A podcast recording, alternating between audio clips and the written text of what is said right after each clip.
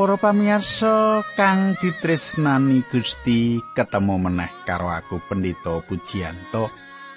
Kepiye kabare panjenengan sak keluarga? Apa apik-apik kabeh panjenengan diberkahi Gusti Allah. Pandungaku saka batu panjenengan tansah diberkahi karo Gusti lan tansah sinangkung karo panjenengani. Sak tindak langkah panjenengan tansah diberkahi Gusti lan dadi berkah kanggo wong liya. Kaya padatan aku bakal bebarengan karo panjenengan ing sawetara wektu iki ana ing sajroning adicara margi utami. Adicara kang mirunggan kanggo panjenengan sing seneng anggegilut kitab suci, sing seneng maca kitab suci, kepengin nambahi kawruh kasukman. Iki adicara margi utami iki kang ndak karepake. Sugeng midhangetake adicara iki.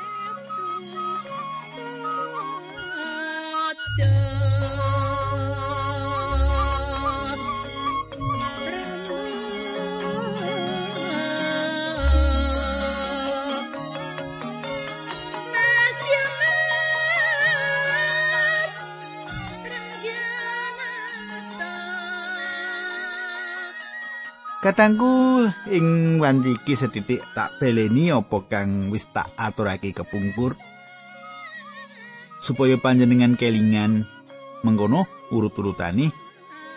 Kita wis nyemak kepiye Gusti Allah nglarang umat kagungane supaya ora ngedekake wit-witan minangka cagak brahala ing sisi mesbe Gusti.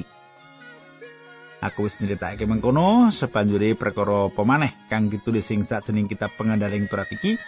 Kita bakal nyemak ana ing patemon kita saiki nanging sadurunge diterusake monggo kita ndedonga dhisik Duh Kanjeng Rama ing swarga kawula ngaturaken gunging panuwun menawi wekdal menika kawula saged tetunggilan. Kawula saged sesarengan kalian sederek-sederek kawula ingkang setya tuhu midhangetaken adicara menika. Kawula nyuwun Gusti berkahi Gusti nuntuni supados adicara menika saestu damel kegiatan damel penglimpuran tumrapipun sederek-sederek kawula menika. Linambaran asmanipun Gusti Yesus Kristus kawula netunggal haleluya. Amin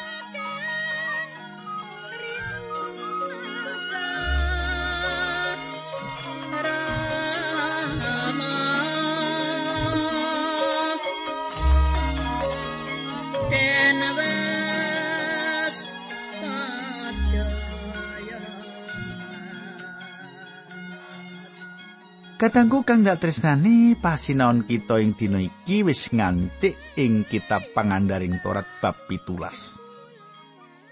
Kita wis ngancik ing kitab pangandaring Torat bab pitulas, kita tekaning pangandikan kang ana gegayutane karo aturan-aturan babagan raja, aturan-aturan babagan imam lan aturan-aturan babagan nabi. Iki telung kalungguhan ing sajroning teokrasi kang wis diatur dening Gusti Allah kanggo bangsa iku. Gusti Allah netepake pepakon-pepakon saka saben kalungguhan iki. Coba panjenengan semak ayat siji pangandaring turat bab pitulas. Sapilan wedhus sing cacat aja kok saosake marang Allah. Mergo pangeran Allahmu sengit karo sesaosan mau. Katangku, Gusti Allah ngendik mendika yen saben anak pembarep saka kabeh titah iku kagungane lan saben kurban kang kapisungsungake marang Gusti Allah kudu tanpa cacat utawa ciri. Kita malihake nulis babagan paukuman-paukuman kang diparingake Gusti Allah marang umat kagungane lan dosa-dosa kang nekake paukuman atas umat kagungane. Yen umat kagungan kuwi misungsungake kurban kewan kang loro marang Gusti Allah. Patrap mengkono kuwi jember tumrape Gusti. Apa kita jujur anggon kita ngaturake pisungsung marang Gusti Allah? Aja kliru tampa, Gusti Allah ora mlarat. Panjenengane kagungan kabeh perak lan emas. Gusti Allah ora mbutuhake pisungsung sapi kang loro duwe kita. Sak beneri. Kita ora perlu ngaturi apa-apa marang Gusti. Pitakone ya kuwi, banjur kenapa Gusti Allah dawuh marang kita supaya kita ngaturi pisungsung? Awit kanthi pisungsung kuwi bakal dadi berkah kanggo jiwa kita lan kita ora bakal diberkahi nalika kita duwe patrap medhit marang Gusti Allah. Gusti Allah ngersakake pisungsung kang apik dhewe saka kita. Aku nyuwun pirsa karo panjenengan. Nalika panjenengan tindak gereja, panjenengan duwe-duwe rada gedhe, apa panjenengan pecah dhisik? dedekke atusan-atusan klitik apa panjenengan ngaturake sing apik karo Gusti Allah yo berkah akeh saiki aku tak ngaturake sing akeh kanggo Gusti Allah nek panjenengan kepingin diberkahi Gusti Allah panjenengan aja medhit anggon panjenengan ngaturake pisungsung kunjuk Gusti Kadangku saiki tak terusake ayat loro telu papat limo tak wacake panjenengan kateaki. Yen kowe krungu ing salah sijine kutamu ana wong lanang utawa wadon sawetara nglakoni dosa ing ngarsane Allah. Nyembah brahala-brahala, srengenge, rembulan utawa lintang-lintang kuwi nerak marang dawuh Allah. Kabar mau titi priksanen sing temenan yen kabar mau nyoto ateges kadurakan wis kelakon ing Israel. Wong-wong sing salah kuwi kudu diklumpukake ing jaban kutha lan dibenturi watu nganti mati. Katangku. Iki angger-angger kang ora winates kang nglawan pangibadah marang Brahala. Aku duwe pikiran. Paukuman awit nerak salah siji saka dosa titahe Gusti Allah, paukumane yaiku pati. Dibenturi watu nganti mati sawijining paukuman kanggo wong kang manembah marang Brahala. Gusti Allah nyebutake pangibadah marang Brahala kang umum ing sajroning kabudayan ing jaman semono. Gusti Allah nyebutake pangibadah marang Brahala kang umum ing sajroning kabudayan ing jaman semono. Wong-wong mau luwih seneng manembah marang Brahala ketimbang karo kang nitahake. Kapan kabeh perkara iku dumati? Manut aku, iki kabeh kawiwitan saka menara Babel. Menara Babel iku sabenere sawijining papan patemon tumrap kabeh wong kang lumawan marang Gusti Allah. Kenapa? Gusti Allah wis ngirimake banjir kang ngalimputi bumi lan saiki lumantar menara Babel. Wong-wong bakal manembah marang srengenge awit manut nalare srengenge ora tau ngirimake banjir kang ngalimputi bumi. Kadangku pamujan marang brahala ing jaman semono banget ora pas. Mengkono uga kanthi ilmu pengetahuan lan bisa uga ilmu pengetahuan ing jaman saiki uga durung nemokake jawaban kang gumathok. Akeh wong ing jaman saiki rumangsa yen kawicaksanan lan kawruh manungsa pas banget. Kita ngerti yen kawicaksanan lan kawruh manungsa ora pati pas ing jaman kepungkur. Wong-wong manembah srengenge wulan lan lintang-lintang awit wong-wong mau mikir yen barang-barang kang ana ing langit kuwi mitrani. Wong-wong manembah barang-barang iki lan dudu Gusti kang wis nitahake wong-wong mau. Dudu Gusti kang wis nitahake barang-barang mau. Ayat 6. Semono yen ana seksine loro utawa luwih, yen seksine mung siji ora kena dipateni. Katangku, Panjenengan gatekake ing kene Gusti Allah ngayomi wong kang ora dosa. Wong ora gampang marani kang duwe panguwasa, awit dheweke ora seneng marang salah siji tanggane lan wong mau ndakwa tanggane mau manembah brahala. Kudu ana loro utawa luwih seksi kanggo bisa ngipati-pati wong. Gusti Allah tansah mbutuhake loro utawa telu seksi. Gusti Allah adil banget ana ing sajroning urusane. Kosok bali ini wong-wong nglandhesi marang lelakon-lelakone marang imam utawa marang hakim kang dipapanake Gusti Allah atas wong-wong mau. Ing sajroning negara teokrasi, wong-wong mau ora duwe raja. Kita mangerti ing pungkasane wong-wong mau njaluk raja. Wong-wong Israel mau njaluk raja lan Gusti Allah ngabulake apa kang dadi panyuwune bangsa Israel iki. Jabur 115 katulis Allah banjur maringi apa kang disuwun nanging uga nekake lelara kang gegirisi. Katengku ayat iki mratelakake bab pengalamane bangsa Israel ing ora samun. nanging iku sawijining kayekten kang ora bisa diganggu gugat. Menawa Gusti Allah kersa paring jawaban atas kabeh donga kita, nalika kita ngaturake iku bakal dadi sawijining kaluputan gedhe kanggo jagat iki. Gusti Allah iku maha murah nanging kala-kala panjenengane nampik panyuwun kita. Panjenengane nindakake iku marang aku lan aku yakin panjenengane nindakake perkara kang padha marang panjenengan uga. Sadurunge suwe sadurunge bangsa Israel ana ing tanah perjanjian ing kono Gusti Allah netepake pepakon-pepakon kanggo rajane.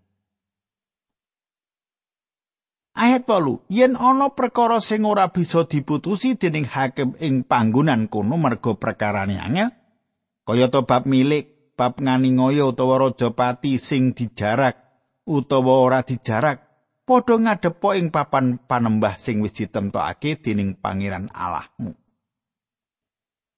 Ketengku menawa ana wong loro kang cecongran gegayutan karo sawijining prakara, kepiye anggone ngrampungake nalika buktine loro-lorone kok ketoke padha kuwati. Ayat 9 10 11. Mangkene surasane. Perkaramu mau ajokno marang imam-imam Lewi lan marang hakim sing lagi tugas karepen diputusi perkarane. Putusane mau kudu kok tindake kelawan triti gatekno apa sing dikandhakake marang kowe.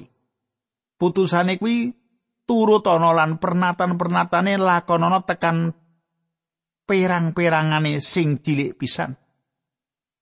Katengku kang tresnani awit angger-anggering turat ora nyakup saben kahanan beda panemu kudu digawa marang imam Sebanjure wong kudu nampa putusan kang diwenehake yen ana sing ora mbangun turut apa kang wis diputusake imam, mula wong kuwi kudu dihukum kanthi paukuman pati. Siji-sijine kang nyatet yen paugeran iki dilakoni yaiku ing kitab Hagai loro ayat 11.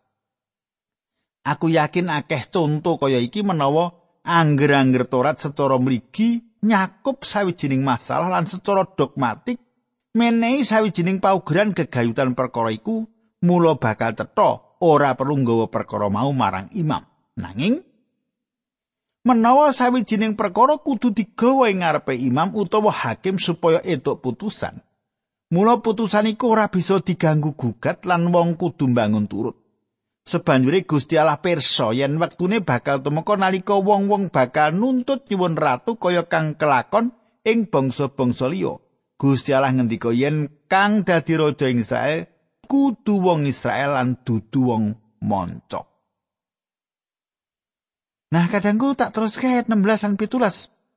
Bab 17 pengandaling Torat. Raja ora kena duwe jaran akeh-akeh kanggo tentarane. Wong ora kena kongkonan menyang Mesir tuku jaran mergo ala wis dawuh yen umat kagungane ora kena bali menyang tanah Mesir. Raja ora kena duwe bojo akeh-akeh supaya ora diedohake saka Allah. Uga ora kena numpuk kasugihan rupa sloka lan emas. Kadangku iki paugeran kanggo wong kang dadi raja nanging Sang Prabu Sulaiman nerak paugeran iki. Kawitan. Raja Sulaiman nambahi gunggunge jarane. Gusti Allah wis ngelingake. Nambahi gunggunge jaran bakal agawe wong gegayutan karo wong Mesir. Awit iku sawijining papan kanggo ngingu jaran-jaran kang apik. Mesir kuwi sawijining papan kanggo ngingu jaran-jaran kang apik. Kapindho Sang Prabu Sulaiman nerak paugeran kanthi nambahi gunggunge wong wadon kang dadi bojone. Gusti Allah ngelingake perkara iki suwe sadurunge duwe raja. Aja nindakake iki sing waspada. Nanging kang ditindakake Sulaiman malah nambahi gunggunge bojo ya saka bojo-bojone kuwi kang dadi jalaran Sulaiman atine ngungkurake Gusti Allah. Kaping telu. Gusti Allah ngelingake marang pambudidaya kanggo nglumpukake perak lan emas ing jaman semono. Ya kaya mengkene iki kang ditindakake dening Sulaiman. Daud pancen kang miwiti. Nanging Daud nglumpukake emas lan perak kanggo mbangun pedalamane Allah. Nanging Sulaiman nerusake anggone nglumpukake emas lan perak nanging kanggo awake dhewe. Ya iki patrap kang nekake karusaan kang ditindakake Sulaiman narik pajak kang abot kanggo rakyate sawijining sebab pecahing Israel minangka bangsa yaiku kerajaan sisih lor lan kidul sawise Sulaiman mati. Saiki ayat 13 nganti 20 mengkene surasane. Yen wong ditetepake dadi raja, wong mau kudu diweni kitab angger-anggeri Allah sing isi dawuh-dawuh lan piwulangi Allah sing diturun saka kitab asri sing disimpen dening para imam Lewi. Kitab mau selawasi kudu disanding lan sajeke urip raja kudu maca kitab mau lan nganggo cara mengkono ngurmati marang Allah lan kelawan setya netepi dawuh-dawuh sing katulis sing kitabi. yen sregep paca ora bakal raja mau duwe penganggep yen awake dhewe luwih becik tinimbang karo wong-wong Israel liyani lan ora gampang nyeleweng saka dawe Allah ngiwa utawa nengen mulane anak turuni bakal dadi pemimpin Israel turun temurun Kadangku raja kudu dadi wong kang bangun turut marang pangandikane Allah. panjenengane kudu duwe turunan saka angger-anggere Allah lan raja mau kudu maca angger-angger saben dina ing sakjroning uripe. Kepiye apa panjenengan yo tau maca kitab suci apa ora iki panjenengan iki? Nek kepengin panjenengan diberkahi ya diwaca kitab suci panjenengan iki. Aja mung ditumpuk. disimpen ning lemari ngantek bleduke pirang-pirang Hmm, ya, tak terus kene. Saiki kita ngancik ing kitab pangandaring Torat bab 18 ayat 1 loro mengkene surat sani. Wong Lewi sing oleh tugas dadi imam ora kena nampa panduman lemah. Kudu urip saka pisungsung-pisungsung lan sesausan kurban liyane sing diparingake dening Allah. Ora kena duwe lemah kaya talar-talar liyane, pandumane ya kuwi kaurmatan ngene dadi imam-imane Allah kaya sing dijanjake dening Allah. Kadangku para imam asale saka taler Lewi. Kabeh anggota taler Lewi nyambut gawe dadi wong kang ladi ana ing pedalaman Allah.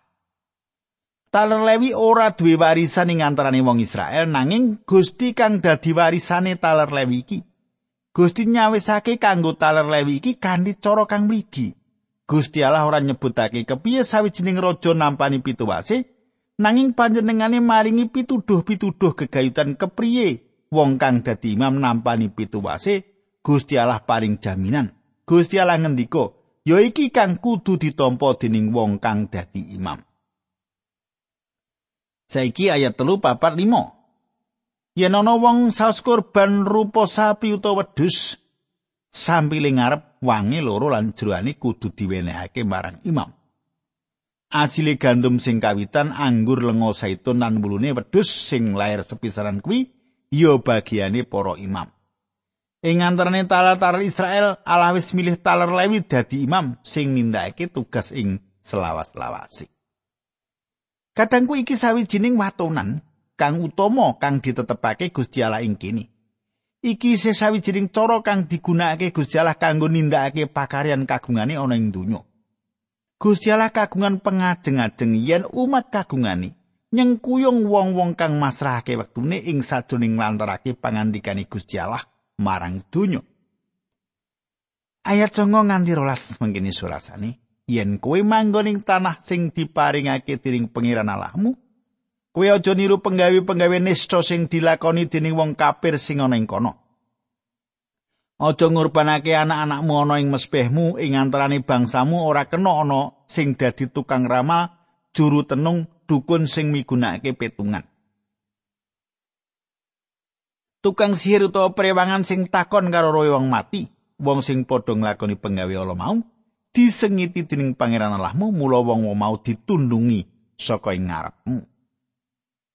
Kadangku nalika bangsa Israel iki wis mlebu ing negara kuwi bangsa Israel ora dikeparengake nglakoni kang padha karo penduduk asli kang ora wanuh Gusti lan kafir. Pemotiku dibaleni ana ing perjanjian anyar ana ing 1 Timotius 4 ayat 1 Paulus ngilingake Sang Rasuci wis ngendika kelawan cetha yen ing tembe bakal ana wong sawetara sing padha murtad wong-wong mau bakal padha kelu karo roh-roh duracara lan nganut piwulange setan-setan. Wong-wong mau bakal nganut apa-apa kang dilakoni dening jagat si duraka kang ora katon. Akeh wujud saka wong-wong kang mujo marang iblis. Akeh kasunyatan ing sajroning ibadah marang iblis. Nanging Gusti Allah ngilingake supaya wong percaya ora njegur ing kono. patrap iki sawijining jejember kanggo panjenengane. Kadangku mbebayani tumrap wong pracaya kang nyoba-nyoba karo astrologi utawa ilmu nujum. Palintangan panjenengan kudu eling yen ing pasal sadurunge kita maca bab ipat-ipat kang bakal nempuh manungsa awit manembah srengenge. Bulan lan lintang akeh wong dewasa iki kang luwih nyendhekake uripe marang ilmu nujum ketimbang apa kang diwulangake ing sadroning kitab suci. Toko-toko buku lan rak-rak majalah kebak karo bahan-bahan gegayutan karo ilmu nujum atau astrologi. Ilmu nujum sawijining jejember kanggo Gusti, Gusti Allah piyambak kang mestani ilmu nujum iku sawijining jejember utawa kadurakan. Kenapa perkara kuwi dadi sawijining jejember utawa kadurakan? Awit ilmu nujum utawa astrologi ngedohake manungsa saka Gusti Allah kang gesang lan yekti. Ilmu nujum njegurake wong ing sadroning pepeteng lan jagating setan. Jagating setan-setan yaiku donya kang nyata. Ana malaikat-malaikat kang wis tiba ing sadroning dosa lan sawijining jagating roh. Katangku perkara-perkara iki nyata lan jaman saiki wong lagi diapusi dening iblis. Wong-wong gunakake narkoba lan sakwernane cara kang bisa dipikirake kang budidaya nganakake gegayutan karo jagat kang ora katon iki. lan iblis seneng gegayutan karo wong-wong iki. Wong kang dadi putrane Allah ora kena gegayutan karo iblis. Sapa wae kang undurane uripe marang patrap iku wong iku duwe iman kang ringkih lan ora bener-bener percaya marang Sang Kristus kang dadi juru slamet. Gusti Allah wis paling pemut kegayutan perkara iki. Pemut-pemut kang diparingake Gustiku pas banget.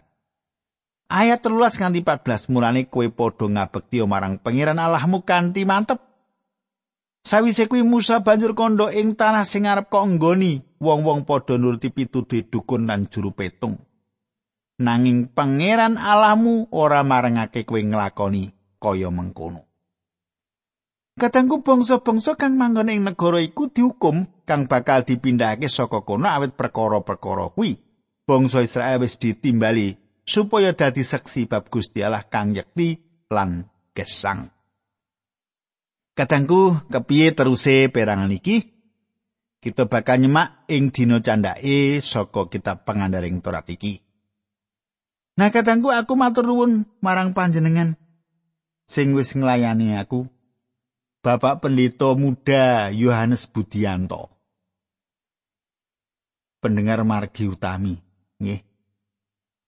Pangandikane Gusti ingkang dipun lantaraken saben dinten nika cetha sanget kanthi mekaten nambahi wawasan lan pangerten kula babagan pangandikane Gusti. Kula ki rumaos dipun bekali kalian pangandikanipun Gusti ingkang dipun lantaraken. Matur nuwun Pak Pelito Yohanes Budianto, kula sampun suwan panjenengan kepitingi enak sanget. nah katangku ayo kita ndedonga bebarengan. Duh Kanjeng Rama ing swarga kawula ngaturaken kuing panuwun menawi dalem menika kawula saged tetunggilan, kawula saged mirengaken pangandikanipun paduka. Kawula sun sepatus menapa ingkang abdi paduka andharaken menika dados kegiatan lan dados panglipuran saha minangka bekal kados dene ingkang dipun alami Bapak Pendeta Yohanes Budianto kala wau. Bekal kangge mucal pasamuan. Linambaran asmanipun Gusti Yesus Kristus kawula ndedonga haleluya amin